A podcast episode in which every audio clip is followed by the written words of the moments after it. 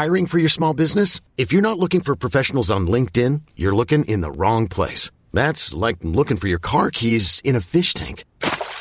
LinkedIn helps you hire professionals you can't find anywhere else, even those who aren't actively searching for a new job but might be open to the perfect role. In a given month, over 70% of LinkedIn users don't even visit other leading job sites. So start looking in the right place. With LinkedIn, you can hire professionals like a professional. Post your free job on linkedin.com slash achieve today. Cool fact a crocodile can't stick out its tongue. Also, you can get health insurance for a month or just under a year in some states. United Healthcare short term insurance plans, underwritten by Golden Rule Insurance Company, offer flexible, budget friendly coverage for you. Learn more at uh1.com. Hey, it's Danny Pellegrino from Everything Iconic.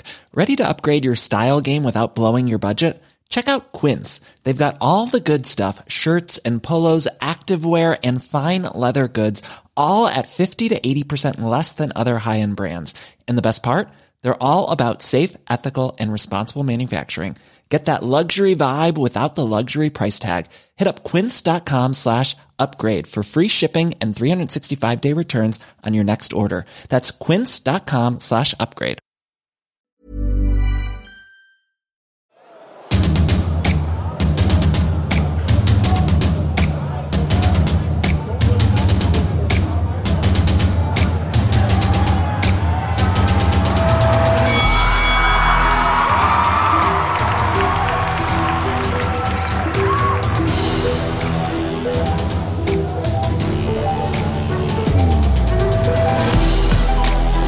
Dags för ny podd. Idag ska vi prata träning, skador, vad man gör rätt, vad, gör man, vad man gör fel.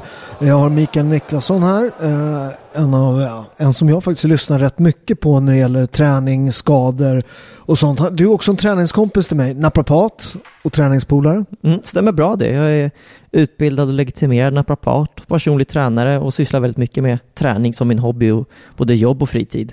Mm. Och du är också, jag måste säga, du vet de här lyckliga ögonblicken i livet. Du vet, barnen föds, man vinner för sin första titel, svensk mästare, man tar VM-titel, allt det där. Men en av de absolut mest, lyckliga stunderna i mitt liv, när jag har känt mest lycka i livet, när, när var det? Vet du det?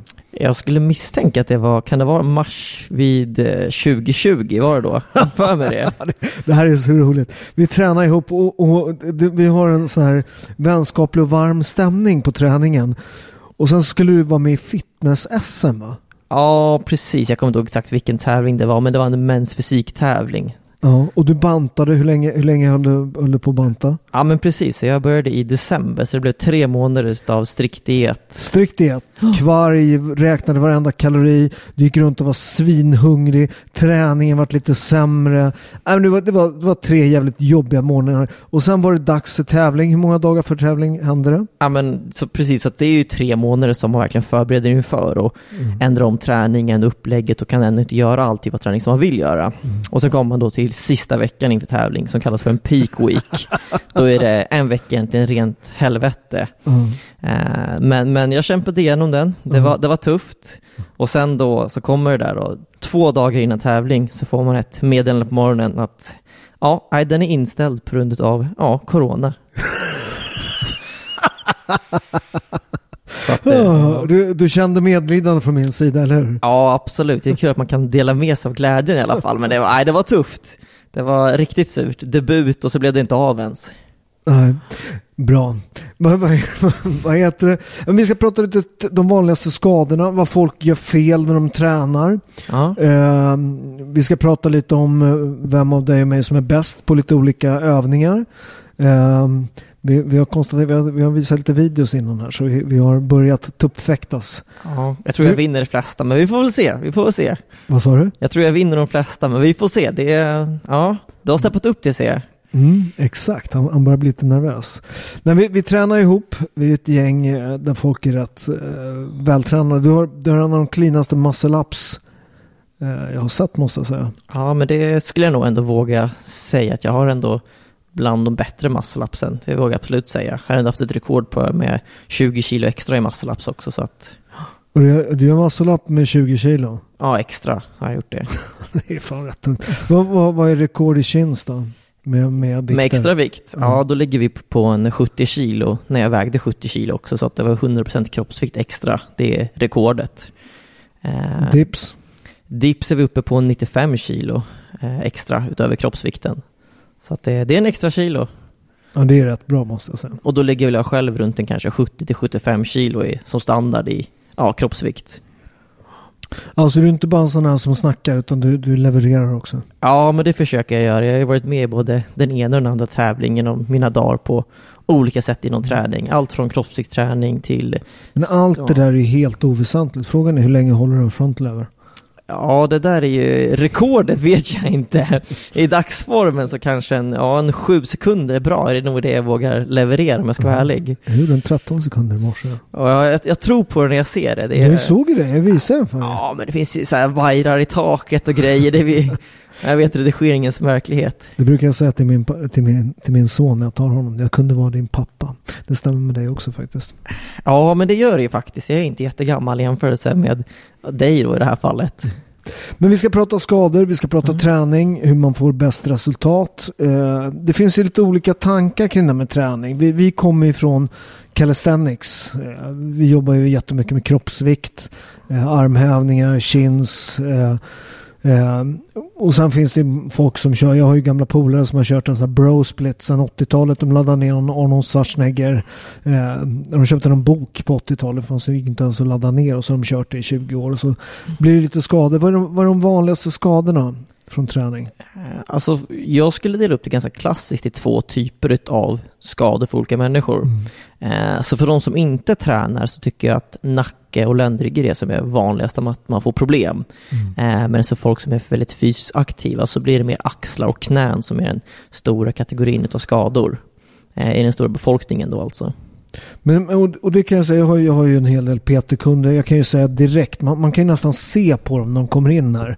Vad problem, man kan säga du, du har ont i axlarna. Det är att mycket killar har gjort för mycket bänkpress, för litet baksida av axlar. Att, att man, man är stark och, och kort i framsidan, svag och, och orörlig i baksidan. Är jag ute och cyklar där eller har jag rätt?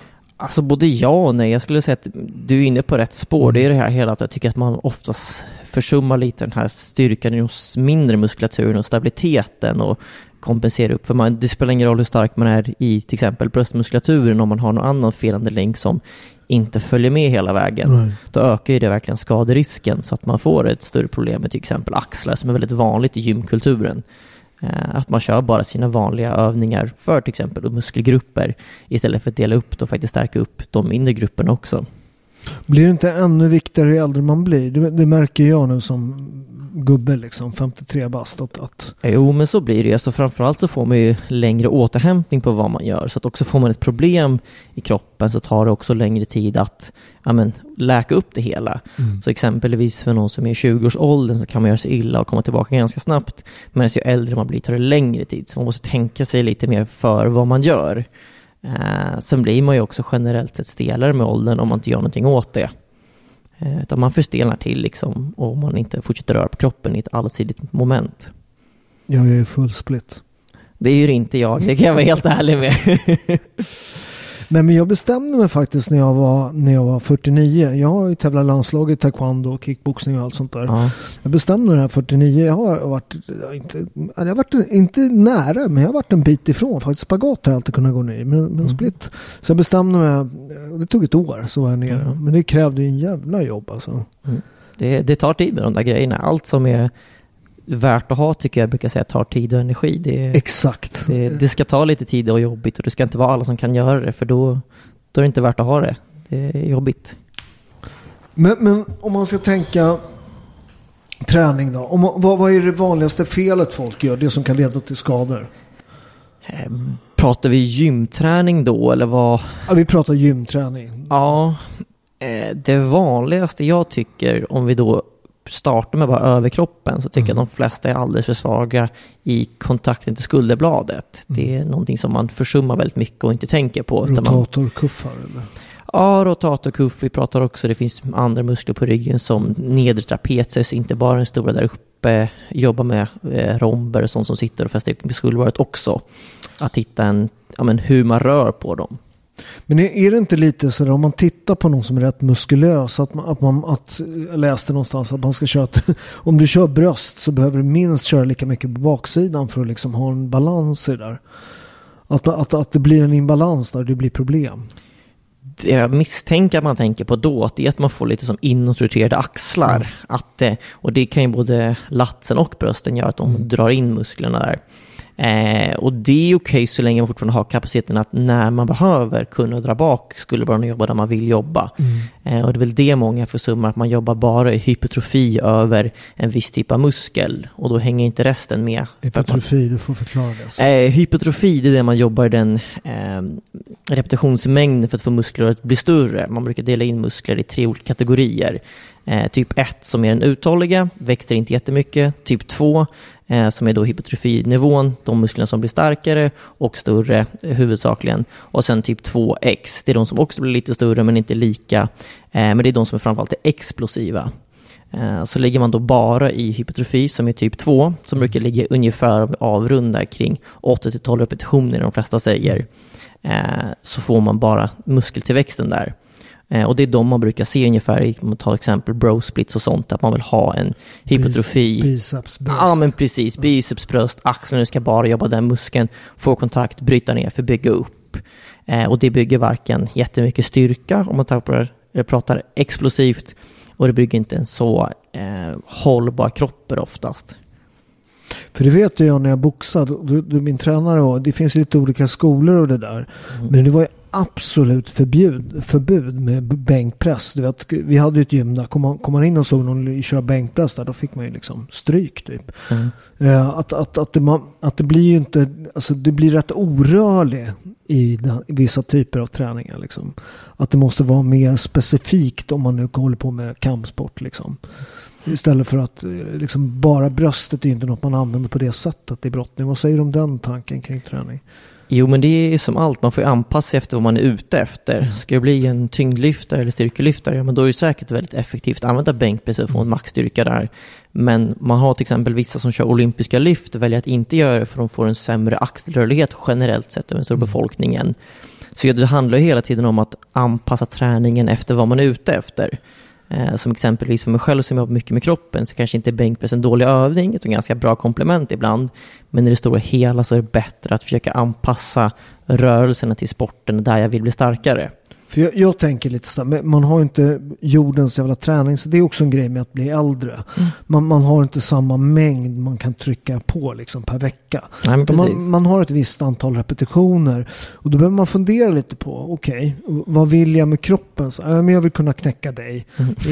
ja, men, ja, men du, du, är en del i min träningsplan. Det, ja. det, det är rätt många grejer som, som, som, som, som är kul när vi tränar ihop och sådär. Mm. Eh, så man, man, hela gänget där är roligt. Så man, man man försöker knäcka folk och, på ett vänskapligt och roligt sätt. Men ändå så eh, rätt hård konkurrens. Och mm, folk, mm, folk är skickliga liksom.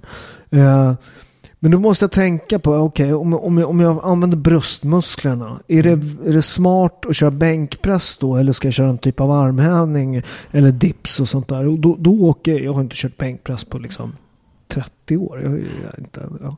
Ja, nej, mm. 20 år kanske. Jag har inte rört en bänk. Liksom. Ingen aning vad jag tar bänkpress eller någonting. Mm. För, och, och, det är inte för att jag tycker att det är en dålig övning, men jag anser att det finns bättre övningar för mig. Mm. Nej men absolut, och det där är ju det man måste väga ut, liksom att du får ju en viss mängd övningar du kan göra.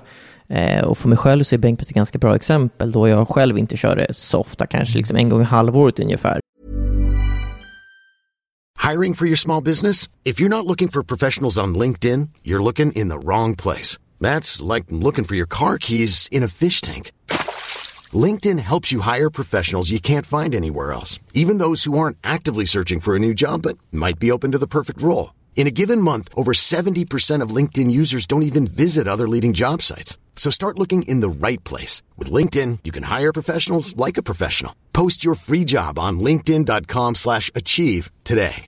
When you make decisions for your company, you look for the no-brainers. And if you have a lot of mailing to do, stamps.com is the ultimate no-brainer. It streamlines your processes to make your business more efficient, which makes you less busy. Mail checks, invoices, legal documents, and everything you need to keep your business running with stamps.com.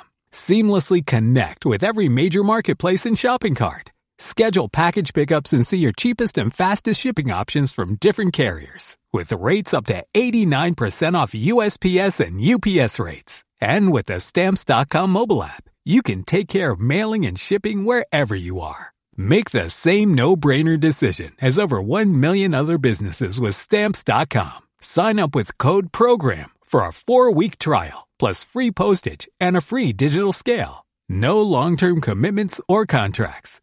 That's Stamps.com. Code PROGRAM. Eh, men nu, båda gångerna jag har haft uppehåll från bänkpressen och kommit tillbaka så har jag ju höjt mig i den. Första gången så gick jag väl från att ha 100 kilo som ett personbästa till att gå till 120 kilo som personbästa utan att egentligen kört bänkpress. Eh, till att nu nyligen testade jag körde så har jag ändå en 125 kilo i eh, bänkpress med ett nära grepp. Eh, vilket är väldigt ovanligt för de flesta. Eh, och det kommer ju egentligen från att jag kör andra övningar som passar min träning bättre, som exempelvis dips då eh, och handstående armhävningar. Eh, och det visar ju bara att jag kan föra över styrkan till till exempel bänkpress utan att köra det. Men jag tycker att det finns bättre för det jag vill göra och då har vi bland annat hävarmarna och hur kroppen är böjd när jag kör de sakerna. Mm. Så jag tycker att man får anpassa val av övningar till vad målet är.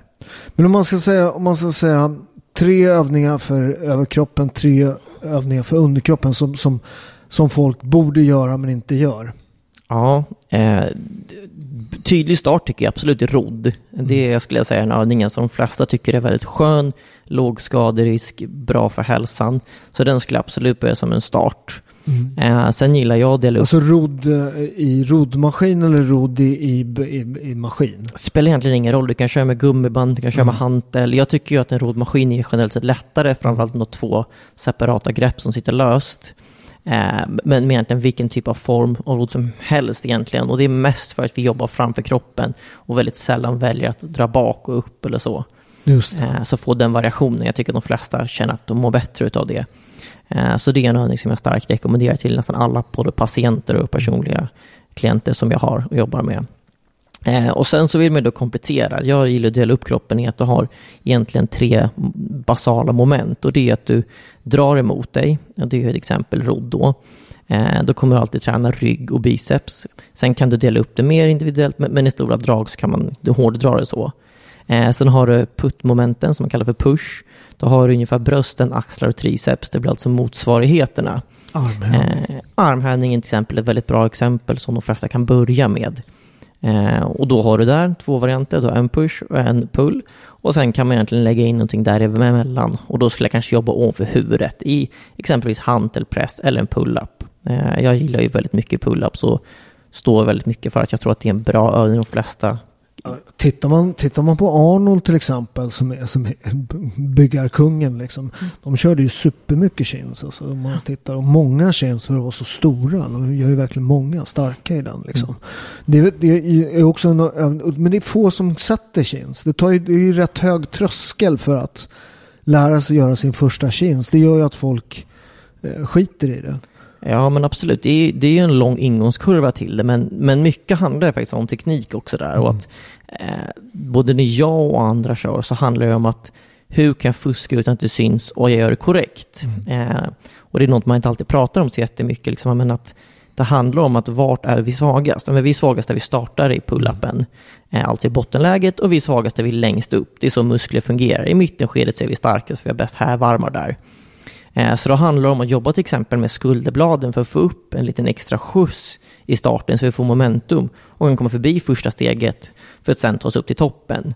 Eh, så jobbar man med teknik så går de flesta ganska snabbt upp i pull-ups. Mm. Jag har ju som rekord att eh, hon den äldsta jag haft som jag har hjälpt lära pull-up då, hon var 72 år. Och det är inte många tjejer i huvudtaget som kan göra pull-ups. Och att då lära sig sin första någonsin som 72. Du säger att tjejer är svagare än killar? När det kommer till pull-ups statistiskt sett så kan jag säga att jag tror att senaste siffran jag såg var ungefär 5% som kan. Och killar tror jag var betydligt fler. Jag tror det låg närmare 30-50% någonstans där. Jag har ingen exakt källa på det. Men ja, när det kommer till eh, muskulär byggande så är tjejer tyvärr svagare än killar. Mansgris. Ja, då, då får jag ta den, men eh, jag går på vetenskapen i den här frågan. Det är inte modernt med vänskap, det vet du väl. Nej, men, men hur, många, hur många procent av killarna grejer en pull-up då? Jag vet inte exakt, men jag skulle gissa att det är i alla fall de 30-50 procent. Tror du det?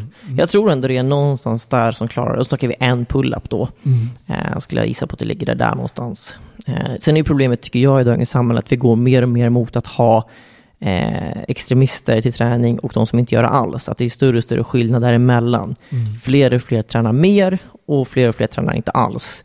Så det är väldigt stort hopp däremellan skulle jag säga. Men, men eh, jag tittar om vi får fortsätta med chinsen där. Om jag tittar på folk, de, det finns ju de här maskinerna. När man står på knäna på gymmet. Jag Ja. tittar på det. Alltså jag måste säga, de funkar väl säkert om man gör rätt. Men jag har ju inte sett någon göra rätt på de här maskinerna. De drar med fel muskler. Ja, alltså det svåra i dem, jag har inte själv valt att köra så mycket med för jag tycker det Nej, finns men- men bättre måste- alternativ. Men, ja, men det finns ju hundra procent. Men när du ser folk köra på den här. Ja, alltså dels tycker jag att de flesta får som nästan ett momentum från det, så du kan dra lite hur som helst. Du får inte en verklighetskurva som ser ut som du kör en riktig pull-up. Eh, Så därför är det ju mycket lättare att om vi gör en lättare variant av en pull-up, vilket blir att man kör excentriskt, vilket är fasen där du håller emot. Man hoppar upp och sänker sig ner. Ja men precis, du kan ställa dig på någonting högre. Så länge du har hakan över först och sen släpper med benen eh, och håller emot där, då får du en mer verklighetsbaserad kurva på faktiskt hur en pull-up ser ut. Ja, men Jag börjar med mina kunder, börjar med den. Och sen så för de som är jättesvaga så är det bara så att man bara hänger och bara drar med skulderbladen. Ja, Med men raka precis. Mm. armar. Eh, Det funkar också. Då bygger man ju också styrkan i den svaga delen där. Ja men precis, och det får man ju kolla liksom vart man startar någonstans. Sen kan det ju vara beroende på hur långt bak man ligger så kanske inte alltid pull-ups är det bästa. Eh, det, det beror helt på. Du kan börja med att ta ett gummiband från taket och dra ner den som en start som en latsdrag. Eh, men då tycker jag att man ska vara ganska eh, långt ifrån en pull-up för annars finns det många hjälpmedel. Antingen någon som hjälper dig, antingen att du hänger, du kör excentriska träningen, eh, du kör med gummiband. Det finns många olika varianter som kan göra det extremt mycket lättare. Det finns, må- finns många roliga videor på gummiband. När de... Ja, det, gu- gummiband ska man vara försiktig med. Det kan göra ont. Det, det, det har man själv gjort. Ja, men man, man gör ju det när man, när man har gummiband så spänner man dem i stången. Och sen så ställer man sig på dem med eh, fötterna. Ja, precis. Ja, och då kan det hända att de glider mellan fötterna. Ja, och då, det gör ont. Jag kan inte rekommendera det. Man har själv varit ung och dum och inte riktigt tänkt efter. Så att, eh, ja, Har du gjort det? ja jag har gjort det. Jag faktiskt Ja. inte. Ja. Nej, nej, det vet inte. Gummibanden kanske inte var lika populära när du var ung och dum. Ja, det fanns inte tror jag. På den Nej, jag tiden. menar det. De är rätt nya. Det är ju en väldigt bra... Alltså, jag tror man tittade snett väldigt många år på de där gummibanden. Det tog Ja. tid innan jag började liksom ta mig till dem. Men det är ju en väldigt bra komplement måste jag säga. Jag tycker fortfarande folk kollar väldigt snett på gummiband. Och det tror jag tyvärr beror på att det är mycket eh, skit med gummiband man gör ibland. Att det är liksom att, framförallt kollar man på sociala medier så hittar man ju på 51 Ja, olika övningar med. Ja. med gummiband som man undrar, okej, men hur tänkte du här? Eh, Medan det finns fortfarande gummibandsövningar som jag ger ut till folk som är extremt vältränade och de blir helt golvade för att de inte är beredda på att det var så tungt. Nej, jag har många kunder som är liksom 110 kilo muskler. va? Mm. Men, men det är ju för att komma åt de små musklerna. Liksom. Utåtrotation med- för baksidan av axlar och sånt där. Det är ju Mm. gummibanden fantastiska. Ja, och inte minst sagt bara för att kunna avlasta vissa övningar eller jobba stabilitet och jobba i olika typer. För du kan ju använda till exempel gummiband i pull-ups fast åt andra hållet så den drar ner mot marken istället. Det, det är fan du som har lärt mig. Ja, men precis. Jag kör Fan vad jobbig den var. Ja, den är brutal. Ber, ber, berätta. ja, men så att i vanliga fall så sätter man ju gummibandet i stången och under fötterna för att ge dig hjälp uppåt. Ja. Eh, det gör ju att den första biten blir lättast och sista biten blir tyngst. Eh, när man kör ett gummiband så sätter jag den på golvet istället under en hantel och så har du den runt ungefär nacken.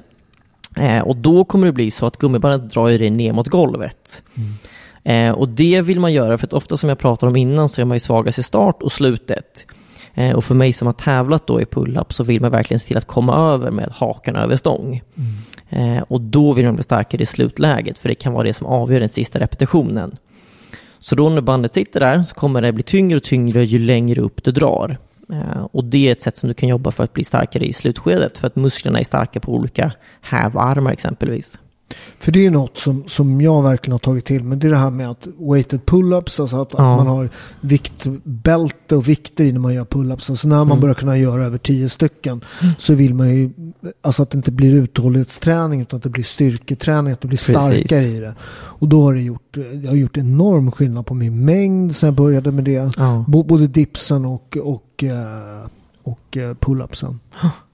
Jag varit lite knäckt här. Jag frågade innan. Så här, vi, vi, jag och min son. Vi, du och min son brukar ha en fade. ja, precis. Det, det, är fan, det, är fan, det är den dummaste. Min, min son är väldigt bra på så här Ninja Warriors. Han har ju tävlat i det. Mhm. Och så är han lång som ett jävla jehu. Så brukar ni ha tre stycken övningar ni slår vad om. Ja, men vi brukar ha hitta på lite utmaningar och så- tävla mot varandra. Ja, men det är ju så jävla korkat. För, ni, för det är inte så här, det, det är inte tre, utan du har tre övningar, han har tre övningar. Ingen grejer om bägge förlorar och ni får bada isvak varje gång. Den enda som vinner, det är jag som får stå på sidan om och garva. Ja, men alltså det... Ja. Du, du, du, du är faktiskt en gåva, Guds gåva till mig. Det gör Ja. mig lycklig, Micke. Ja men det är bra, man kan ge till samhället sådär och till dig framförallt när man har sitt eget lidande och dumdristighet. Ja, det är skönt att någon är ung och dum och man kan skratta åt dem. Ja, ja.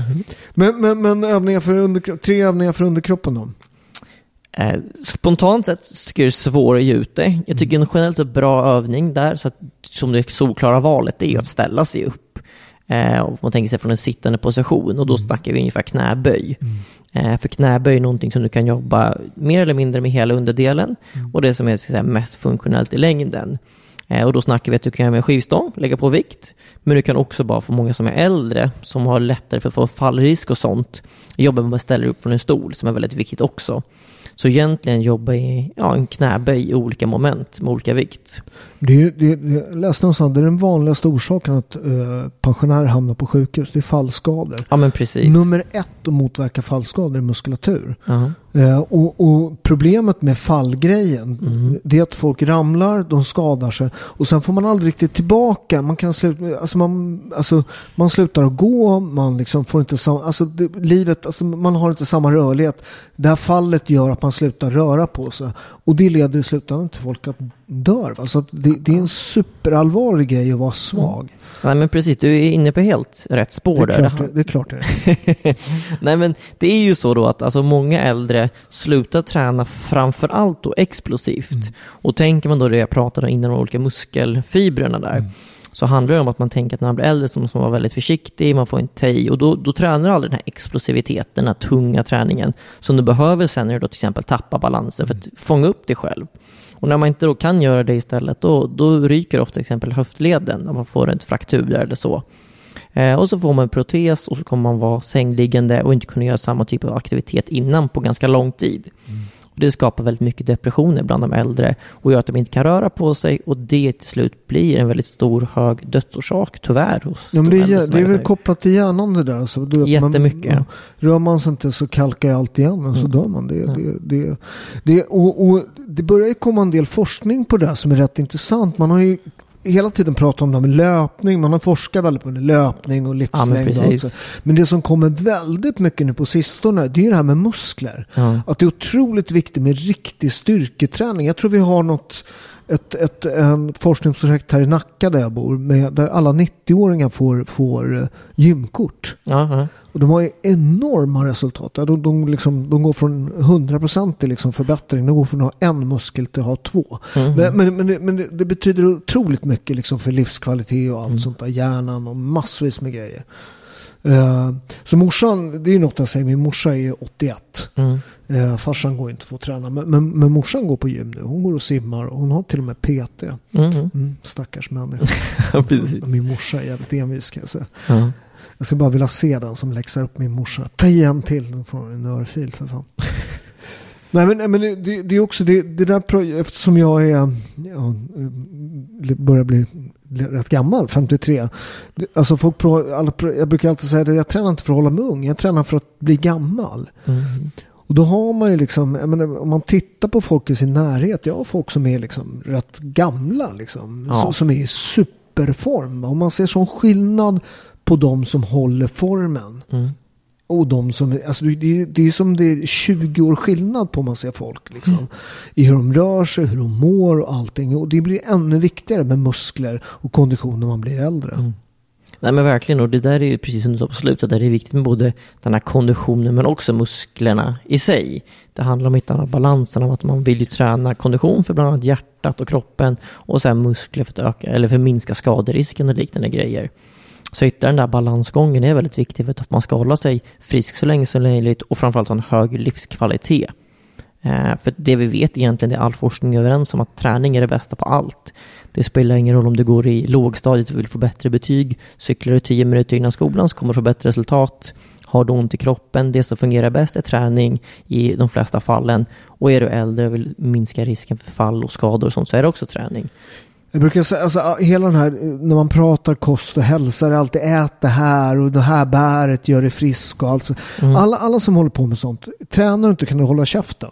På riktigt. Mm. För, för att träning när det gäller så här, du kan käka vilka jävla bär du, du vill. Ja, det kanske gör lite skillnad i marginalen. Mm. Men det som gör den stora skillnaden, det är att kunna några grundgrejer. Att ha grundbenstyrka, mm. att ha grundexplosivitet, att du har muskler, att du kan röra på dig, att du är smidig liksom. Det gör det är det som gör den stora skillnaden. Men, men det gör ju inte folk. Vet du varför? Nej, vadå?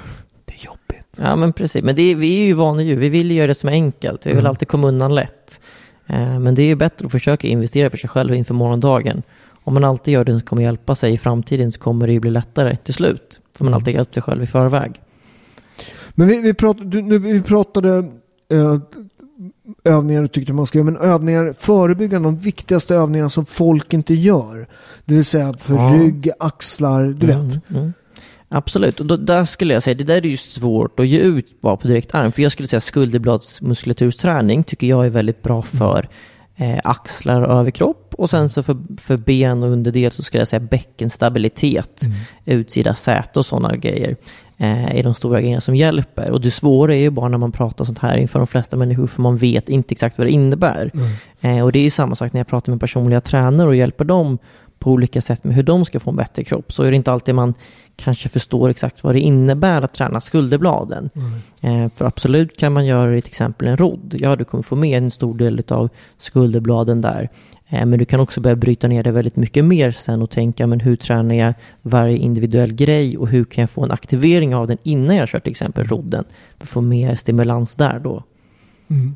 Eh, och sen bara en så typisk grej som att ofta när man kör skulderbladsträning så hamnar många i att de skaffar som att de får en svank istället. Och då är det inte egentligen de mindre muskulaturerna som jobbar utan då blir det latsen för de fäster in på bäckenet mm. och jobbar dem istället. Och absolut så jobbar man med skulderbladen då, men då tappar vi också fokuset som jag tycker att man ska lägga mer på, vilket är de mindre musklerna i skulderbladet. Som till exempel trapezius, romber eh, och rotatorkuffen.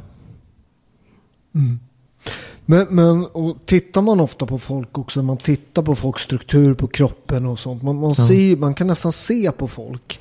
Det måste du kunna göra, ditt jobb. Att så här, det, det, du har något ont där och liksom höften är där. Och, Ja, det där skulle jag säga är lite kontroversiellt. Jag ja. vågar knappt eh, komma ut det, för det där har man ju faktiskt gjort studier på som visar att man inte kan se det. Nej, men, men sen men, en... säger pelvic tilt är inte alls det som, som ofta man säger inom yogan att det är ett problem. Nej. Men, men, men... Alltså det där, det där är ju väldigt svårt, för jag tycker att jag märker det själv med mig och mina många kollegor också, att eh, forskningen säger en grej och vi, vi terapeuter och alla andra håller med om en annan grej. Mm. Så skulle jag säga det forskningen säger och testerna man har gjort så kan man inte egentligen se, se på en kropp ifall de har mm. ont eller inte. Eh, sen så kan man ju se saker som man skulle kunna hävda är liksom en indikation på att du kommer ha mer ont i axeln eller inte.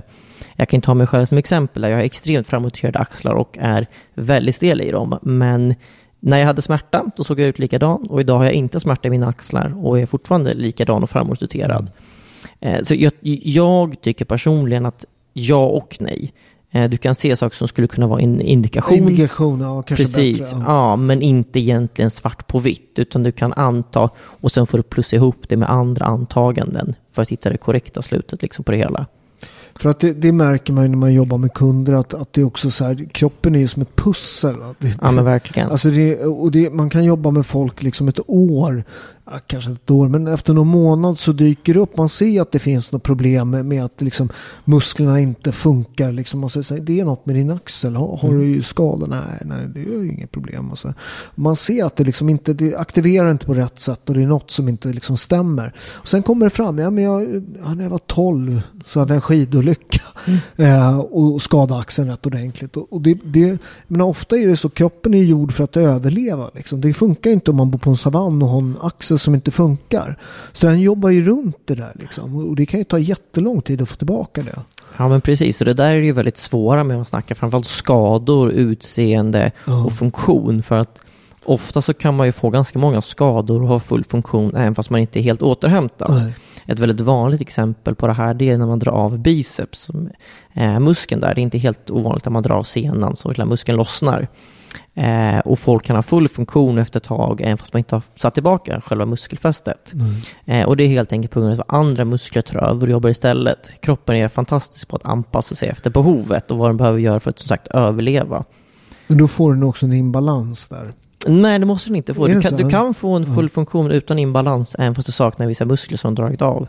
Ja. Eh, och där får man ju se helt ute vad man är ute efter exempelvis. Eh, tar man, jag kan ta mig själv som ett exempel igen, så har vi min vänteraxel som jag har en dysfunktion i rotatorkuffen som ska dra ner axelkulan. Eh, den fungerar inte som den ska sist jag kollade på den i ultraljud då. Eh, jag har bristningar i muskeln och en försvullnad slemsäck. Men jag har full styrka och ingen smärta.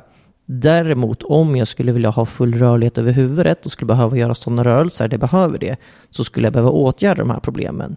Så där får man ju se vad syftet och mm. liksom vad jag är ute efter. Jag har en fullt funktionell axel för det kravet jag sätter på den, men ändrar jag kravbilden och kravprofilen, då är den inte fullfungerande längre. Men det tar tid. Men det är som Enzo, din bästa kompis. Min rival. din, din rival. Men också din patient ibland. Han, han, eh, ett jättebra sätt faktiskt om man vill bryta något. Det är att skaffa sig elskateboard. Ja men precis, det är ett bra sätt att ha sönder kroppen. Det, du, du som naprapat måste ju se det som, som jättebra för affärerna. Ja men verkligen. Alltså jag jobbade ju sagt också ett tag på Danderyds sjukhus med hjärnskaderehabilitering. Jag har ju sett att det, det kommer ju lite patienter här och därifrån och elsparkcyklar och diverse. Uh. Så är det verkligen. Nej, men de går väldigt fort de där också. Det, ja. det alltså, vi har ju en rätt bra nedförsbacke. Han, han fick upp den rätt bra fart. Han skulle slå några rekord där och, och bröt nyckelbenet rätt ordentligt. Ja, precis. Uh, och det där det läkte ju inte jättebra det där. Uh, det, tog, det har ju tagit år nästan att få det tillbaka. Ja, men det som förbryllar mig mest med sånt där som exempel är att sjukvården inte gäller tänker ja, men hur ska vi göra i skedet efter att ja, men du är borta från sjukhuset. Utan man liksom, ja men bra, nu har när liksom, det ser helt OK ut, vi släpper ut dig. Ingenting liksom, okej, okay, men hur kommer det här påverka kroppen? Hur kommer det här förkalkas? Hur ska vi träna för att du ska bli smärtfri och funktionell här omkring? Utan man bara lämnar ifrån det egentligen. Ja, men vi var ju på SÖS, det är närmaste. Eller vi, först var vi på Nacka här. Deras, de, i Sverige går dit. De, tyvärr, röntgenmaskinen funkar inte. Ja, men precis. Man de... bara okej. Okay. Så vi åka till, till SÖS och det, det, är liksom, det är en krigsskådeplats där. Det är något helt sinnes. Jag vet inte hur länge vi fick vänta. Mm. Eh, och det, det, är bara akut. Alltså de, de, de bara, du vet. Mm. Och så skickar de hem en. That's it. Ja, det, det, måste ju kosta samhället mera. Ja men det, det gör det. Där har man ju sett lite på att exempelvis har man ju företag om man betalar sina anställda för att gå och träna. Man bokstavligt talat har det under betald arbetstid. Mm. Så i längden så minskar det sjukskrivningar, vilket egentligen kostar mindre i längden. Mm. Och det finns ganska mycket statistik på hur träning i längden blir billigare mm. att betala för. Eh, för att det minskar mängden sjukskrivningar, det ökar skolprestationer och sådana saker. Sen varför man väljer att inte insätta det, det kan inte jag svara på. Men, men hälsovården i Sverige i stora hela existerar nästan inte. Utan man tänker bara akut sjukvård och liksom för stunden. Men är det, inte, är det inte lite den också att, att om man tittar på läkare att de har den utbildningen att man liksom vårdar skadan och liksom botar smärtan och sen är det liksom, ja okej. Okay. Jo men precis. Alltså, det, var kommer skadan ifrån? Alltså det, det, kroppen är otroligt komplicerad va? Ja men det, och det är ju där det kommer tillbaka till sjukvården när man väl kommer in i den så är den ju väldigt bra. De är bra på att fixa problemet. Men men det här med att få upp livskvaliteten på befolkningen, till exempel att inte ha ont, komma tillbaka, inte vara sjukskriven. Det är de grejerna jag tycker vi faller lite pladask på i Sverige.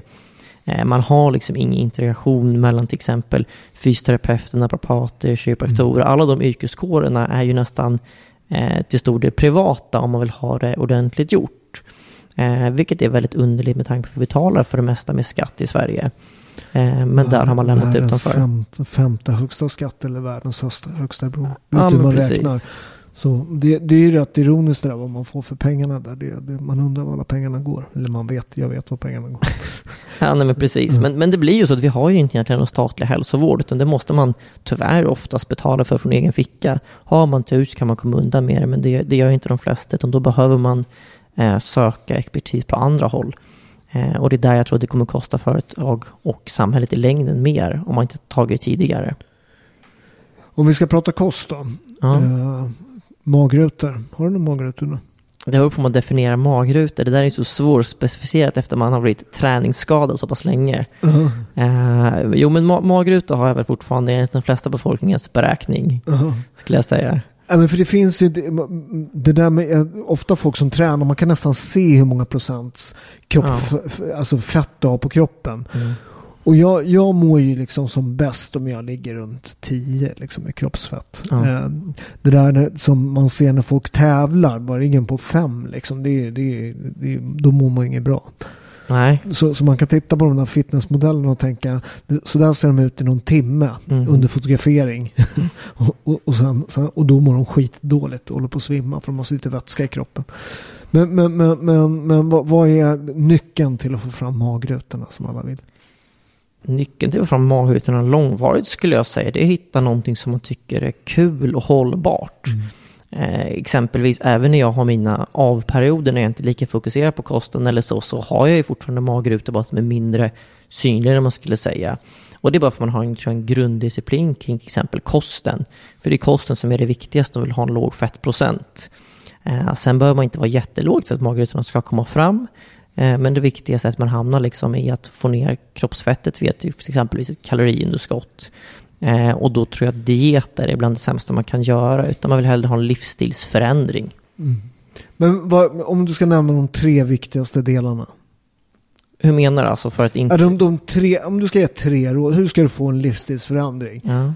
Tre stycken råd. Då ska jag säga, hitta träning som du gillar. Det behöver inte vara gymmet, det kan vara cykling, Det, det, finns ju så mycket. Ja. Ja. Nå- någon typ av träning man gillar. Eh, en generell rekommendation jag har det är att försök ta bort så mycket fett som möjligt ifrån kosten. Eh, och det är inte för att fett är dåligt utan bara för att det är mycket dolda kalorier som de flesta inte har koll på. Eh, exempelvis så har vi, bra exempel jag brukar ta är bearnaise som ligger uppe på 600-700 kalorier. Vilket i sig inte är farligt men de flesta har inte koll på att det ligger där. Jag hade faktiskt nu en bekant till mig som tog bort bearnaise från kylskåpet och hade inte det på ett halvår och gick ner i vikt bara på grund av det. Eh, Bara för att man ger okunskap där omkring. Så jag brukar rekommendera att hitta bättre varianter av såser för att man kan få mindre kalorier därifrån. Och sen sista, ja men försök ha någon vardagsmotion som också gör att du rör dig lite mer. För då får du mer kalorier i det stora hela att spela med. Men jag brukar rekommendera mina kunder, alltså skaffa en av de här apparna. Och det är skitjobbigt. Mm. Eh, och det är frustrerande och det, det tar tid och sådär. Men det, det, tar, det är en vecka som du gör det där. Och sen så har du lärt dig. För folk är så här, jag brukar säga till dem, sluta gissa för fan. Mm. Ja, men du vet, om man, om man hör, jag vet jag gjorde, jag gjorde en dokumentär när jag åt, när jag åt skräpmat i, i tre veckor. Jag gick upp 16 kilo på tre veckor. Det var helt sjukt. Jag, såg, jag gick från rutor på magen till att ha liksom, ha både torktumlare och tvättmaskin på magen. va. Jaha. Alltså jag var så tjock. Eh, eh, eh, men och då intervjuade jag en tjej som var rätt överviktig. Och, Mm. och, och, nej, men hon, nej, hon åt som vanligt. Och det, liksom, det var ingenting. Och det, nej, hon åt inte speciellt mycket. Så det var jättekonstigt tänkte man. Det, det, det, det, går inte att trolla om det. Det finns ju några få som har liksom fel Mm. på ämnesomsättningen. Men, men det var inga problem med den heller.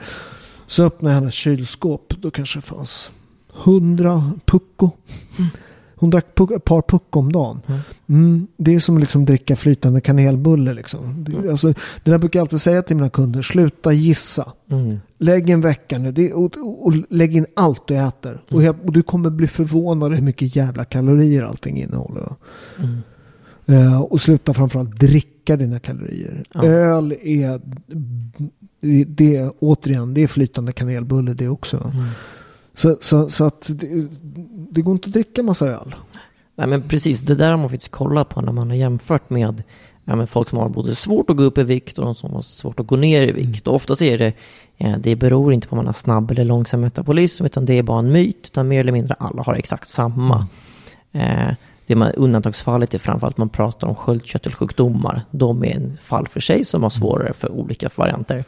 Men, men annars så är det egentligen att man misskalkylerar hur mycket man antingen konsumerar för lite eller konsumerar för mycket. Precis som du säger, att man, man har faktiskt inte koll på hur mycket man får in. Så det bästa är bara att utbilda sig själv och få en förståelse för ungefär hur mycket saker innehåller. Jag, så, jag såg faktiskt det här med att min ämnesomsättning går ner Mm. när jag blir äldre. Har, har du sett den undersökningen? Nej, det har jag faktiskt inte. Det är så jävla roligt. Då visar det sig att vid, vid 20 år så går ju ämnesomsättningen ner markant. Alltså. Ja. Eh, men, men sen är den typ konstant Mm. tills du är 60 bast. Mm. Sen går det ner lite. Så det här med, med jag får så dålig ämnesomsättning. Nej, du dricker för mycket öl. Det, det, det, du har slutat röra på dig och du dricker massa öl. That's it. Ja, men det, är faktiskt så. Det där pratar man om ett väldigt tydligt exempel på. Om man jämför ja, de flesta 40-åringar, hur de rör sig i vardagen jämfört med hur ett barn rör sig i vardagen. Så kan man ta det som exempel, ja, men när du går i trappor, skuttar du fram, hoppar du eller går du sakta men säkert?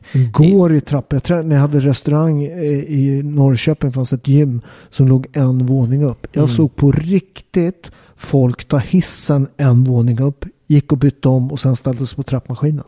De tog, de tog eh, trappan de hade betalt 3000 för. Gratis trappan sket de i. Jag är så överviktig, jag förstår inte varför. Nej, jag ska berätta. Mm, nej, men det är mycket det där, man, man rör sig inte längre som man gjorde när man var yngre och så har man inte koll på vad man stoppar i sig. Det är så simpelt faktiskt. Sen är det svårt med beteenden och sådana saker. Men att förstå för de flesta majoriteten av befolkningen så är det att det handlar om att ja, men, hitta ett sätt att röra på som man tycker är kul och få en förståelse för att stoppa det i kroppen. Nej, men och, och sen så hjälper ju inte massmedia till alltså med alla de jävla, jävla bantningsknepen. Och folk är för fan helt jävla galna. Fitness-influencers. Alltså det, fin, det, alltså det finns inget som har gjort liksom så mycket skada som den där. Jag läser ofta om den här. Ja, och den här är jättebra kalorier i det ofta jag läser. Vadå bra kalorier? Kalorier är för fan en måttenhet, ett jävla pulver. Jag menar, det, det är den energi det tar att värma upp ett gram vatten en grad. Det är en kalori. Det finns inga fucking jävla skillnader på kalorier och kalorier. Det är som att säga, om polisen skulle stoppa mig här utanför och, och, och du vet, bra och dåliga kalorier och så kör du körde lite för fort. Mm. Ja, ja, hur mycket då?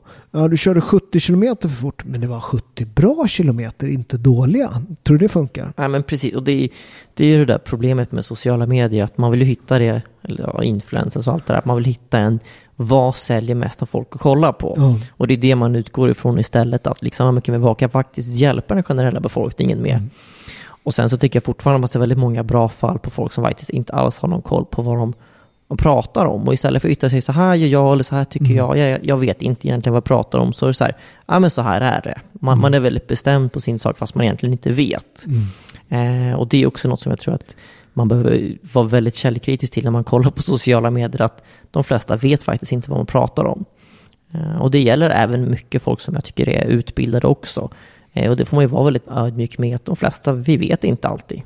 Nej, och, det, och, det, och det, om man tittar på läkare till exempel, man, man hör eh, till och med på tv har man experter säga saker som, som, som inte stämmer. Va? Menar, som man, och jag vet inte allt eh, och de vet inte allt. Och, och läkare de är väldigt bra på sin grej men ibland är de inte jättebra på kost till exempel. Man kanske inte har eh, tillgång till den senaste forskningen. kanske var länge sedan man gick i skolan. Liksom. Så, så, så att Uh, nej men jag hörde ibland att folk säger när man pratar protein till exempel att det får du dig på naturlig väg och sånt där.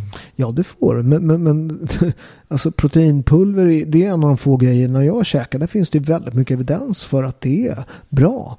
Uh, och att, att det verkligen ger det finns några få grejer där det verkligen är bevisat att det är bra. Och då, och då, och då säger man så här, folk får i sig på den här får de inte alls det. Svensken får i sig 1,1 gram eh, protein kilo kropps, kroppsvikt per dag. Det, det, det är för lite. 1,2 är rekommendationerna. Och 1,2 det är rekommendationen för mig och min morsa. Det är för hela befolkningen. Tränar du då kan det vara liksom 2 gram. Alltså det finns ju forskning som visar att 3 gram till och med, det vill att ta i. Men att det, det är inte skadligt utan det kan eventuellt ge, ge resultat. Mm, ja men precis, det är som du pratar om proteinet i ett, där tycker jag det finns båda hållen, att den vanliga svensken äter för lite och den vanliga gymrottan äter för mycket. det, där kommer vi tillbaka till den extrema sidan. Mm. Liksom att det blir antingen för mycket eller för lite av det. Eh, och det handlar liksom alltid om att hitta en balansgång i det hela. Mm. Men som du säger, proteinpulver är ett jättebra sätt att enkelt, billigt kunna få i sig mer extra protein. Och framförallt så kan man ju prata om olika typer av protein där, men, men simpelt mässigt kan man ju äta liksom ja, men vanlig klassisk proteinpulver som är kosttillskott. Till exempel Whey 80 är väldigt simpelt, bra sätt att få i protein. Mm.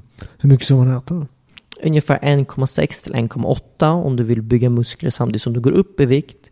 Och sen snackar vi ungefär 2 till 2,5 när du vill gå ner i vikt. Ja, precis. Om du, för att du behöver mer om du försöker gå ner i vikt. Det, det är en grej som ofta tjejer Mm. gör fel. Alltså. De, de, de bantar och så går de ner i vikt men de gör av med muskler. Precis. För det där är en konstform att Mm. gå ner i vikt och behålla musklerna. Ja men precis. För det är en grej att svälta sig själv och liksom, ja men jag ska gå ner i vikt, ja men då tar du ett jättelågt kaloriunderskott, du kommer tappa vikt. Mm. Men frågan är vad du tappar.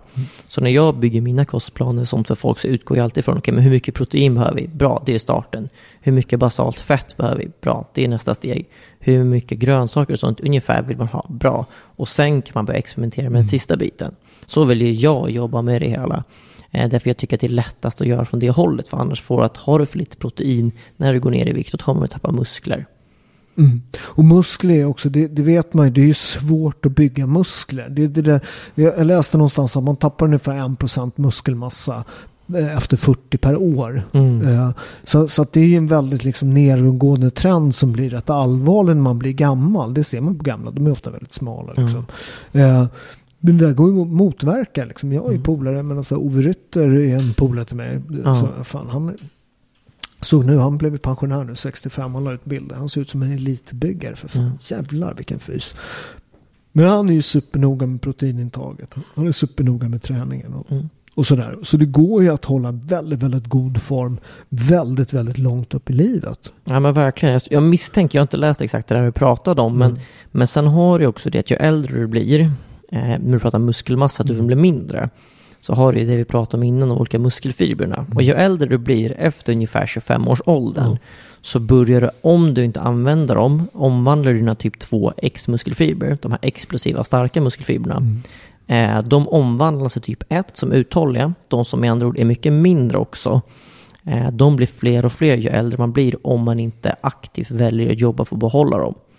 Eh, så det är också ett sätt varför man ser ut att få mycket mindre muskelmassa, för den blir uthålligare. Så vill man då behålla lite explosivitet, vilket man oftast vill, och hålla lite storlek, så behöver du underhålla det och inte köra lika mycket kondition för det. Nej, jag, jag kör ju väldigt mycket explosiv träning. Eh, och det är rätt roligt att se hur länge man kan hålla det. Liksom. Jag, jag gör ju fortfarande grejer som jag gjorde när jag var 20. Liksom. Ja, Eh, explosiva hoppsparkar och sånt där. Jag gör en del hoppsparkar idag med, med, som jag inte kunde när jag tävlade i landslaget taekwondo. Så, så att, så att även liksom när man är plus 50 så kan man fortfarande vara väldigt explosiv. Men det är klart att man känner att man börjar tappa lite. ja men absolut. Och det ser jag lite med, med grabben. Liksom. Han är ju 18. Vi, det är ju fullkomligt krig här. Liksom, varenda träning. Eh, både sparringmässigt och, och sådär. Men man ser till exempel med weighted chins. Liksom. Ja men precis. Att, ja, men där är han, han, är, han, är, han tar ju mig på det liksom. Mm. Ung jävel. Arvlös. Han får sova i, i, i, i trädgården här efter. Vad heter det? Men, men däremot på antal Mm. så har ni, då, då äger jag liksom. Ja men precis, jag har för mig, jag kommer inte ihåg exakt liksom, studien och så, men när vi fick lära oss när jag studerade så var det ju att världsrekorden för explosivitet tas kring 25 och världsrekorden för uthållighet tas i 35. Eh, och det är en trend som fortsätter sen, så då kan man jobba sin kring sina styrkor. Att du har ju extremt mycket större möjlighet att ta uthålliga grejer eh, än vad då till exempel din son har. Eh, för att han är mer explosiv och blir fortfarande mer och mer explosiv. Eh, Så där får man jobba sig kring sina styrkor, men precis som du säger, istället för att bara överge och inte lägga något fokus alls på explosiva, så kan du fortfarande jobba på att behålla det du har. Ja, tvärtom, jag lägger ännu mer fokus på det. För att det, det, det är det man vill behålla liksom. Ja men precis, för annars kommer, och det där är ju tråkigt, att du kan omvandla från explosivitet till uthållighet, men inte tillbaka. Så har du vet, väl en gång gjort det uthålliga så kommer det förstöra. Eh, vi fick som citat när vi var på studerande att eh, om du någonsin ser Usain Bolt springa på en löprunda så måste du stoppa honom för att han kommer omvandla sina muskler. Och det är så hårdraget är liksom, att du får inte köra uthålligheten om du vill vara på topp, topp av explosivitet. Vad säger de? Det är väldigt många i min ålder som springer så här ultramarer och allt sånt där. Ja, Och det, det är ju för att det är lättare för dem. Jag hör, jag hör på tonläget vad du tycker om det. Ja men alltså det, det är väl kul att köra sin grej men, Ja. men jag tror också att bara köra det, då får du bara uthålligheten och du får inte den här styrkan som du kanske behöver sen. Mm. Och sen är det väldigt slitsamt tror jag att köra så långa maraton om man inte verkligen bygger upp en stabil grund inför det. Nu snackar jag mycket, jag såg forskning, men men jag såg, såg en forskning, en studie, med, med just det här med, med, med löpning. Att man har ju tittat då på att det är, det är ju väldigt liksom, det är bra för livslängd och allt sånt där. Men Ja, sen har man ju precis. liksom, då har man tittat på löpare rent generellt. Men nu såg jag någon studie där de hade eh, splittat upp det. Och tittat på, jaha de här ultralöparna med de som springer lite mer normalt liksom. Mm. Eh, och det visar sig att det finns en övre gräns där. Att någonstans finns det en gräns där du kan verkligen, det sliter för mycket Mm. på kroppen. Och det är inte jättekonstigt om man tittar på många av de här ultralöparna. Att de ser ju rätt slitna ut i min Ja. ålder. Va? Ja precis. Och, och det där är ju som all, all träning har ju... Förlåt alla ute, det, det är ingen diss till er. Jag, jag, jag älskar er det är, det är, en, det är en jätteträningsgrej. Men, men ni ser lite gamla ut. Nej men där får man ju välja vad man, vad man tycker är värt Ja, och ja, inte. ja, Nej, men ja, alltså, ja. Det, det, så är det ju. Träning är till en viss gräns bara hälsosamt. Ja. Och så kan ju... Precis, all träning är ju bra. Det, det, Ja. det ska man inte säga något. eh, Men, men, som jag sa, det finns en övre gräns med löpning. Ja, men så, så är det med all träning och så kan jag själv känna till exempel när jag har inför mina tävlingar fortfarande att jag blir ju väldigt sliten och börjar få liksom ont och sånt. Men jag tycker att det är värt det för jag tycker det, är, det är min största hobby jag har, det är att träna. Så jag tycker att det är värt ibland att slita på min kropp och är ärlig med att men, når jag till toppnivån då är det inte hälsosamt längre. Ingen idrott egentligen på elitnivå är Nej, hälsosam. fy fan. Nej. Eh, Nej, men det, och det är samma sak med mig. Det finns ju mycket som muscle-ups är inte jättebra för mina armbågar och, Mm. och sådär liksom. Men, men det är kul att göra liksom. man Sen- tycker det är värt det fortfarande. Ja, precis. Sen, Alltså, sen, sen gäller det att hitta balansen. Jag, jag Ja. kan inte dra det varje dag liksom. För att det, det pallar inte riktigt mina armbågar och sådär liksom. Ja, men ta det som alkohol som exempel. Ja, men det funkar om du vill dricka någon gång i veckan eller sådär, men du kan inte stå och supa varje dag för det är inte heller hälsosamt. Nej. Eh, Men att göra det en gång, det är inte heller bättre för kroppen i det stora hela. Men det är fortfarande- värt det. Det är kul tycker de flesta och därför kan man göra det. Precis, och det är också hoppspark. Att det kan vara lite att det liksom blir, om man snurrar och sådär, att det är lite med ryggrad och sådär. Men, men, men det, det håller fortfarande och, det, och lyssnar man, är man liksom, det där är ju svårt. Man blir ju bättre på när man är äldre att lyssna på kroppen. Ja, men Eh, precis. Jag tycker man lär sig mer och mer om sin egen kropp också med tiden. Ja, det, Man lär känna sin kropp bättre. jag brukar säga, säga så här till, till mina kunder, lyssna på din kropp när den viskar. Så slipper du hålla för öronen när den skriker. Ja. För att den, den börjar ju ofta berätta något. Lite. Mm. Och det, det där att ignorera små grejer det leder alltid till, till något jävligt tråkigt. Ja. Där skulle jag vända på det både ja och nej. Mm. Precis som du säger i starten, det enda skillnaden är när man redan hamnat där och har ont. Mm. Då är det nästan tvärtom. Då måste man lära sig ignorera smärtan. Ja, ja, ja. För, Eh. för att få, få rörlighet i det. Ja men precis, för du får en ökad känslighet om du har smärta väldigt länge. Mm. Det är något som jag pratar mycket med patienter om som har haft långvarig smärta. Det här, vad som är smärta och vad som är obehag. Och lära, sig, lära känna sin kropp och förstå skillnaden i det hela. För har du smärta i kroppen väldigt länge så får man, man kan se som ett tröskelvärde som minskar tills att du får ont i kroppen. Eh, och det är för att kroppen helt enkelt blir extra känslig för att nervbanorna går mer där. Mm. Och då vill du lära dig hitta en gräns där du jobbar där det påfrestar men inte gör ont ont. Och det är en Precis. svår balansgång. Ja, det tror jag också mycket med mina kunder. Att det här med, med jag brukar säga så här, det är ingen exakt vetenskap, men, men grejer när det gör ont. Mm. Tio, nej. Nej. Tre, ja. Ja, Känn precis. på den. Liksom folk är så här, "Ja, jag har dåliga knän. Mm. Ja, men så här, böjer du aldrig på knät, det kommer aldrig bli bättre då. Ja men precis, man måste ju utsätta kroppen för det som är jobbigt Mm. också. Och det är precis som du säger, man brukar jobba på ungefär en, en skala sådär 1 till 10 och jag brukar snacka ungefär 1 till 4 är okej. Mm. I stora slängar. Du är tre bra, eller hur? Ja men precis. Han var tvungen Eh. att säga nå- någon annan skala än min. ja men precis, måste käfta emot lite. Och sen också väldigt bra riktlinjer för folk att ha, det är det här, gör det mer ont efteråt gjorde övningen? Ja. Nej, okej, men då är det lugnt. Gör det mer ont dagen efteråt? Nej, ja, men då var det också långt. Ja. Är det någon av dem som sticker ifrån att det gör väldigt ont när du gör det, alltså orimligt ont, det ger mer ont efteråt eller gör mer ont dagen efteråt, då var det för tungt, då var det för jobbigt. Men gör inte det, då är det oftast ingen fara. Nej, och, och, och ofta är det med kunder som har ont någonstans. Att det nästan viktigaste är att börja röra på det. Ja, Man får en liksom blö, alltså, att det, alltså, det är det sämsta du kan göra och inte göra någonting. Att, och, och folk blir rädda om de skadas också. Så det gäller ju liksom att approacha det på ett jävligt liksom, varsamt sätt och utmana det. Det är ofta mycket med sådana här grejer. Ja men det där är farligt, det där är inte bra för kroppen. Så jag brukar säga att det, det, det finns egentligen inga riktigt farliga övningar. Det finns bara dåligt förberedda kroppar liksom. Ja men lite så är det. Alltså i det stora hela, om man ska hårdra det, så är det ju så här, ja men alla övningar har, har sin tid och plats. Sen kan man hårddra det och säga vissa övningar för den generella befolkningen är inte bra. Eh, men, men det är ju för att den generella befolkningen inte är förberedd för dem. Den generella befolkningen är sjukt otränad. Ja men tyvärr så är det ju så. De flesta Ja. är inte redo för en tung belastning på kroppen. Jag såg, nu, nu, nu pratar jag om forskningar som jag inte vet var vad jag läste någonstans. Jag läste någonstans för att tillhöra liksom den bäst, bästa tränade femtedelen av jordens befolkning. Mm. Du vet hur många chins och armhävningar man skulle göra. Det var ju helt sinnessjukt lätt. Ja, ja. Alltså man, man, man blir förvånad hur otränade människor är liksom. Men där tror jag också det är en fallgrupp för både dig och mig ibland det här med att man umgås med ja, men nästan bara folk som är vältränade. Ja. Jag ser ju fortfarande mig själv som kanske högst medioker och ja, men jag är väl helt OK.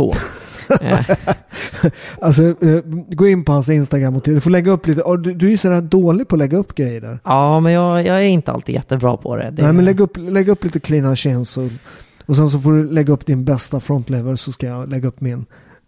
Absolut, jag ska se om jag kan gräva fram någon bra frontlever. Annars får jag göra en ny och ta i det mesta jag har. Jag satte den riktigt bra igår. Han, han, han, han, han tittade på den lite så här. "Mm, Får se det. Så bara var, det lite tyst efter. Hon kan inte tränat så mycket på sistone. Ja, men den, var, den var faktiskt väldigt bra. Har blivit, jag, jag ska ge dig det. Från faktiskt så, så har det blivit bättre. Mm. Och det kom ändå från mig som brukar vara ganska hård med form och sånt på många grejer. Ja, nej, men det, det, vi har vår andra träningsvän där. Det är enda gången han kommenterar. Det, är när, det är när det är en frontlever. Ja, Ner med fötterna. Ja men precis, det är då han kommer. Men, men, men, eh, men återigen då. Skador, rörlighet då. Men det finns ju det här med, med, för några år sedan, det kommer jag ihåg, det var väldigt, väldigt lustigt det här med. Det kom ju en forskningsrapport. Eh, som var, alltså du vet alla gamla byggarpolare man har kommer fram då. Så det här med stretching, musklerna blir inte längre. Eh, Du kanske för ung för den. Ja, jag kan inte säga något specifikt vilken, vilken. Nej, men det var en studie som kom och det var stort i tidningarna. Stretching funkar inte och alla mina byggarpolare så här. Ja, Åh, fan, det funkar inte stretching och så här. All, alla killar som aldrig hade stretchat någon gång, de, de berättar då att stretching inte funkar. Men ibland så är det lite så här, alltså grejen med kroppen är att man vet en del, men, men rätt mycket har man ju liksom ingen aning om. Stretching är väl lite en sån grej där man inte riktigt vet vad som händer. Va? ja men precis. Alltså, det som händer när man stretchar, det är att det ökar en smärttålighet i nerv, nervbanorna Ex- egentligen. Exakt, nerverna för, för, för, för det, där, det där är ju jävligt intressant. Att det har ju inte med, med musklerna att göra utan det har med nervbanorna att göra. Så, så det är egentligen de som du ökar en smärttålighet i som gör att du blir rörligare. Så det är det som händer under stretching. Och sen problemet är när man pratar om om det är smärtförebyggande, funkar och sådär, eh, så är det väldigt delade meningar kring det hela. Eh, jag själv står på en sida av spektrumet, men jag tror att det inte heller är svart och vitt om det funkar med stretching eller inte. Men det vi vet är att stretching funkar väldigt bra för att få ökad rörlighet. Det är det vi är överens om. Men, men och- och för, för att det där var också när, när, när den här kom alla liksom så här. Ja. Så, så, okej, ibland, ibland säger forskningen vissa saker. Men Mm. ibland måste man också titta på saker. Titta på världen. Ibland blir folk så jävla så här närsynta. Okej, vilka stretchar? Eh, yoggisar, Mm. kampsportare, gymnaster, dansare. Vilka är viga? Gymnaster, kampsportare, dansare, yoggisar. Undrar om det beror på att de stretchar eller att de är liksom så, så, att, så att det, det är klart att det har en effekt att man blir vigare. Men det, det där är också är ju två liksom, skolor det där. Men, det, men man pratar en hel del om rörlighet. Man pratar om att det finns två, den här är rätt. Och därför, där finns det inte riktigt någon sån här alltså skarp gräns. Skillnaden mellan rörlighetsträning och stretching. Ja, men precis. Eh, och och där, jag, jag gillar väldigt mycket rörlighetsträning som Ja, jag kallar det för. Ja, men jag, är, jag, är, jag har ju hållit på med yoga i 20 år. Ja. Em, Men jag har ju väldigt, väldigt så här, på senare år börjat mycket mer med de senaste fem åren med rörlighet och det har gjort stor skillnad. Ja. Men för mig tänker jag mycket ofta på att, men som sagt, du vill ju röra kroppen i vad som man kallar för en full range of motion. Ja. Att du vill ha hela banan utav vad leden klarar av och träna det på olika sätt. Och det kan du göra bland annat genom att sänka vikter och sånt när du tränar och sen istället ta ut banan längre. Ska man ta en knäböj som exempelvis, som är en väldigt tydlig variant, så kan du istället för att köra till ungefär 90 grader som man räknar ett vanlig knäböj så går det istället så långt ner du kan. Till slut som man kallar ass to grass, när du nästan nuddar marken med rumpan. Det är ju ett sätt som jag tycker är väldigt bra sätt för du får en rörlighet i höftleden, knäna, fotleder. Plus att, typ stär, plus att du stärker musklerna i liksom änddelen av rörligheten. Precis. Vilket också är väldigt viktigt. Det vet jag med splitten sådär. Att, att för att kunna... eh, Jag går ner i split. Gör du det? Det har vi redan gått igenom Paolo. Nej det gör jag inte. Det, det, det, är- det är skönt att få rub it in lite. Ja. De får, de Det, får, det kommer säkert en gång till innan vi är klara. Ja, ja, de få grejer jag är bättre med. De är bra. Jag är bra på att snacka. Så, så att de brukar... Jag får stryka det mesta. Enarmssamhällningar, hur många gör det där? Aldrig testat Max faktiskt om jag ska vara ärlig. Hur många enarms pull-ups gör du? Inga. Nej. Nej, det, är en, en av mina mål. Jag, jag, jag gör en, en om man är väldigt snäll mot mig. Ja, ja. Så, så ingen gör. Jag, jag kan göra med, med ena handen runt handleden. Ja, men det, Då- nej, det gills inte. Nej, tyvärr. Det, det var inte ens liten ära. Nej, nej, det var inte ens. Nej, men nej, och jag gör med, med gummiband. Nej, det, det är faktiskt en, den, är, den är jävligt svår. Den är svår. Det är inte många som kan det faktiskt. Nej. Eh, framförallt inte många som kan göra det bra. Känner jag någon som kan det om jag får fråga? Eh, du känner väl, ja, fall mig känner du åtminstone. Den är väldigt clean måste jag säga. Ja, det, det, jag, jag försöker tänka själv på många jag känner som kan det. Det är Mm. inte jättemånga. Behöver du mer som jag? Eh, du har ju då eh, Navve som jag tränar med. Ja, na, na, alltså det, det, det är en...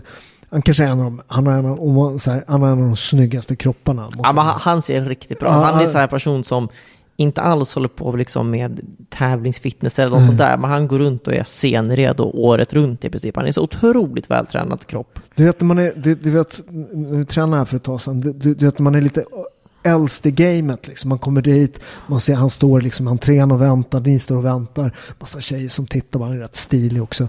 Eh, du vet, och då måste man ju direkt trycka till dem. Det, det ingår ju liksom att få in en... en och den här alltså jag måste säga, när man blir verkligen nöjd, när man träffar rätt, så står han där med sina fläskiga bickar. Eh, och det är så här gymnastiskt, det är ingen byggar liksom kropp. Så, Nej. så bara glider in och säger tja, tjena Abbe har du slutat träna armar? Just den, här, den här sekunden han så här tittar, nej, jo, nej, men jag tränar. Ja men det är verkligen så klockrent också att du träffade den. För vi kallar honom för Mr Biceps. För Ja, att, ja. alltså, det, är, det är ingen skämt de där armarna. Alltså, de är enorma. hur många, hur många enarms gör han? Jag tror både han och jag lägger inte två, tre stycken någonstans där. Ja. Eh, det beror lite på hur strikt man är med formen. Eh, men han är nog nästan snäppet bättre än mig på det också. Det är gränsfall där. Han har, han har gått upp starkt på allt på sistone. Mm. Det, ja, vi får hitta på någon ny förolämpning nästa gång. ja men precis, det, vi hittar någonting. Vilka, vi, om, om man- om man ska, du, vi kommer från calisthenics, det, det är Ja. vackra rörelser tror jag betyder på grekiska. Eh, eh, det är en träningsform där man jobbar mest med kroppen. Ja, precis. Eh, eh, vilka, vilka är de tre, alltså om du ska välja två övningar för benen, Mm. två övningar för, för framsida, två övningar baksida. Du får inte säga chins. Får inte säga Ja, chins. Ah. Eh, om vi börjar nerifrån då så skulle Mm. jag väl säga men typ knäböj. Eh, börja vanlig simpel knäböj och sen skulle jag gå till att hoppa. Mm. Alltså så simpelt verkligen. Kör knäböj beroende på det där. Är det för enkelt med vanlig knäböj så kan du göra på ett ben. Köra lite pistol squats som det kallas för oftast. Och sen bara hoppa. Mm. Det kommer du extremt långt på. Eh, går vi upp till framsidan. Bulgarian split. Eh, ja, fast det är lite mer komplicerat skulle jag säga då. Så det är, jag skulle säga hellre börja med att bara hoppa Mm. och köra antingen pistol squats eller knäböj, vanliga. Mm. Eh, och på överkroppen framsida så skulle jag vilja säga att dips är någonting som jag älskar väldigt mycket. Eh, ganska hög, alltså du kräver lite för att kunna göra från början. gillar du dips? Ja, jag gillar dips. jag förstått. nästan. Säger killen som gör 95 i viktbältet. Ja, men Ja, precis. Nej, men så dip, dips tycker jag är väldigt bra. Nackdelen här med dips är att det krävs ganska mycket förståelse för övningen. Eh, Det kan vara ganska svår att komma in i i början. Eh, På så sätt är exempelvis armhävningar bättre att börja med, för jag tycker att det är mindre fel man kan göra där. Ja, folk har en tendens att hänga i axlarna och sådär. Ja men precis, man hänger i axlarna, man kanske går lite för djupt, man kanske inte riktigt, man skulle luta sig framåt ganska Mm. mycket i dipsen också. Så det finns en del teknik där, för det är också en så här, jag tycker det är så intressant att höra många säger att dips är livsfarlig övning och man ska absolut inte göra det. Och sen kommer jag där och kör ja, men hur många repetitioner som helst med min egen kroppsvikt extra i det. Eh, så det handlar mer om att man har rätt teknik i just den typen av övning. Men annars så bara armhävningar och skulle jag egentligen vilja jobba upp mig till att stå på händer också för det är något som jag tror de flesta mår väldigt bra av.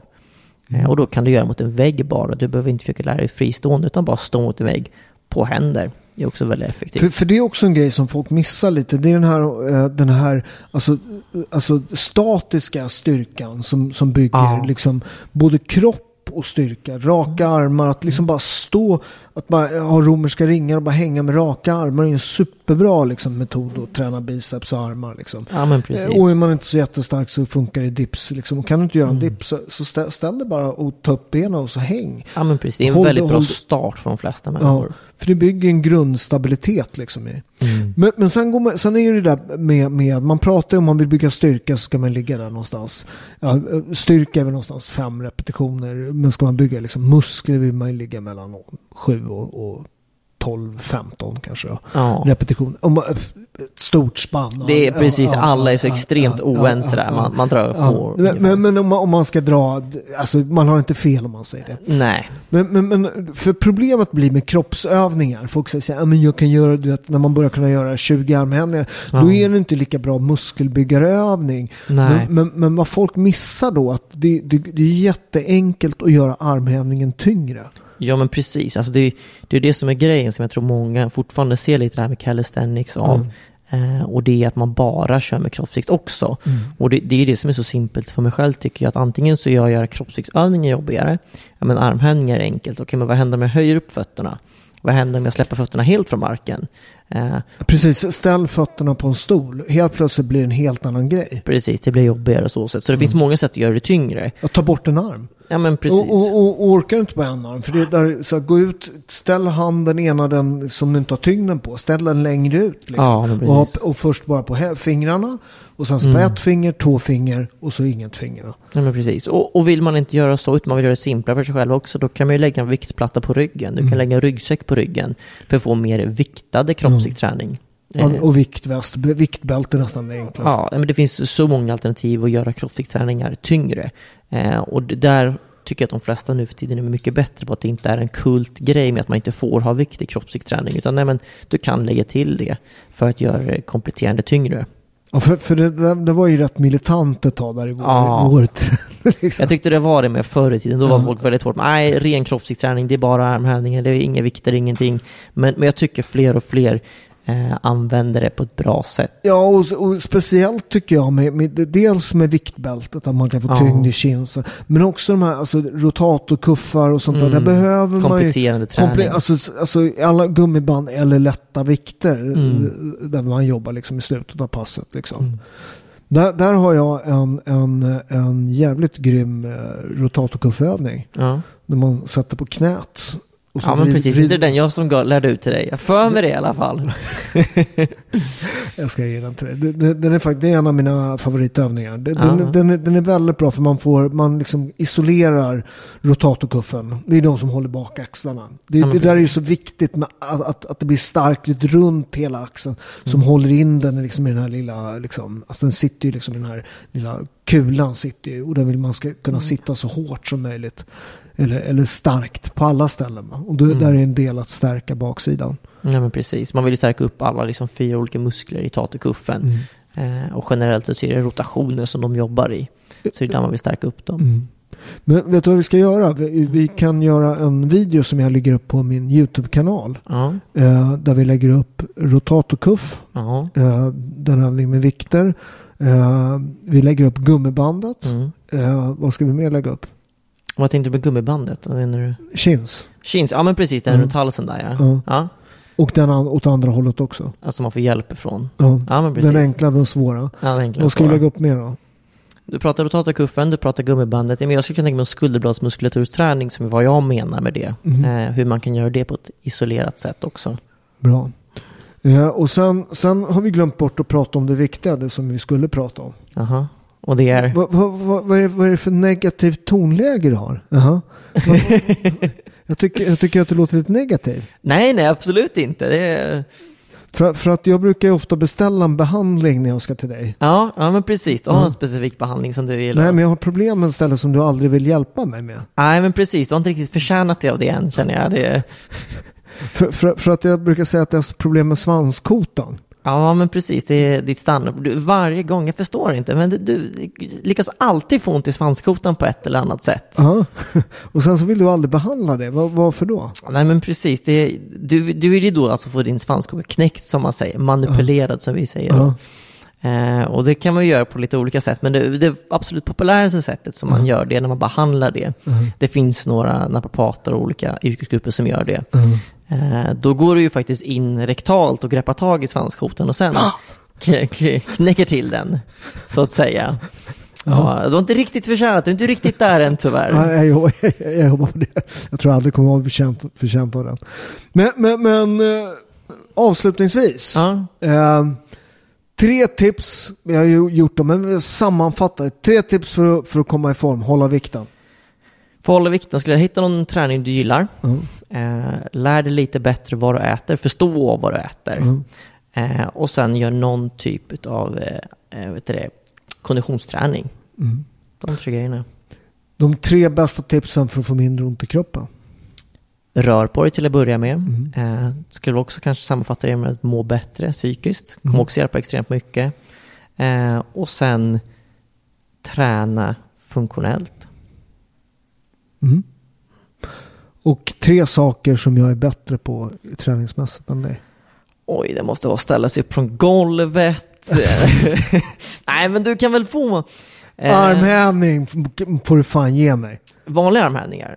Va? Men En arm. En arm. Ja, men det kan du nog faktiskt få. Det, detta tror jag nog att du är bättre än mig. Mm. Front lever vågar inte yttra mig om just nu, men, men, men den ligger i farozonen för mig. Jag ska, Mm. ska vara ärlig. Flyga en armhävning, klapp bakom ryggen, gör du det? Ja, det gör jag garanterat. Det gör jag nog bättre än vad du gör. Det. Vadå, gör, hur- gör du bättre flyga en armhävning med klapp bakom ryggen? Ja, men det tror jag. Absolut. Ja, vi lägger upp en video på det här och får vi se. Upp till bevis. Upp till bevis. Ja, kom, vi kommer, vi klickar på länken, YouTube-video, lite tips, eh, lite utmaningar, flygande Mm. armhävningar och eh, vad heter det, tillrättning av sandskotan. Absolut, allt för, för att få in lite folk ditåt. Då får jag tacka för en trevlig timme. Ja, men tack själv Paolo. Ja, och- Kul att du ville ha mig här. Ja, det vet jag inte. Men, men, men, men, men eh, jag ser fram emot mer fitnesstävlingar för dig, eh, Absolut. mer träningar eh, och klicka på länken för lite tips. Ja, tack.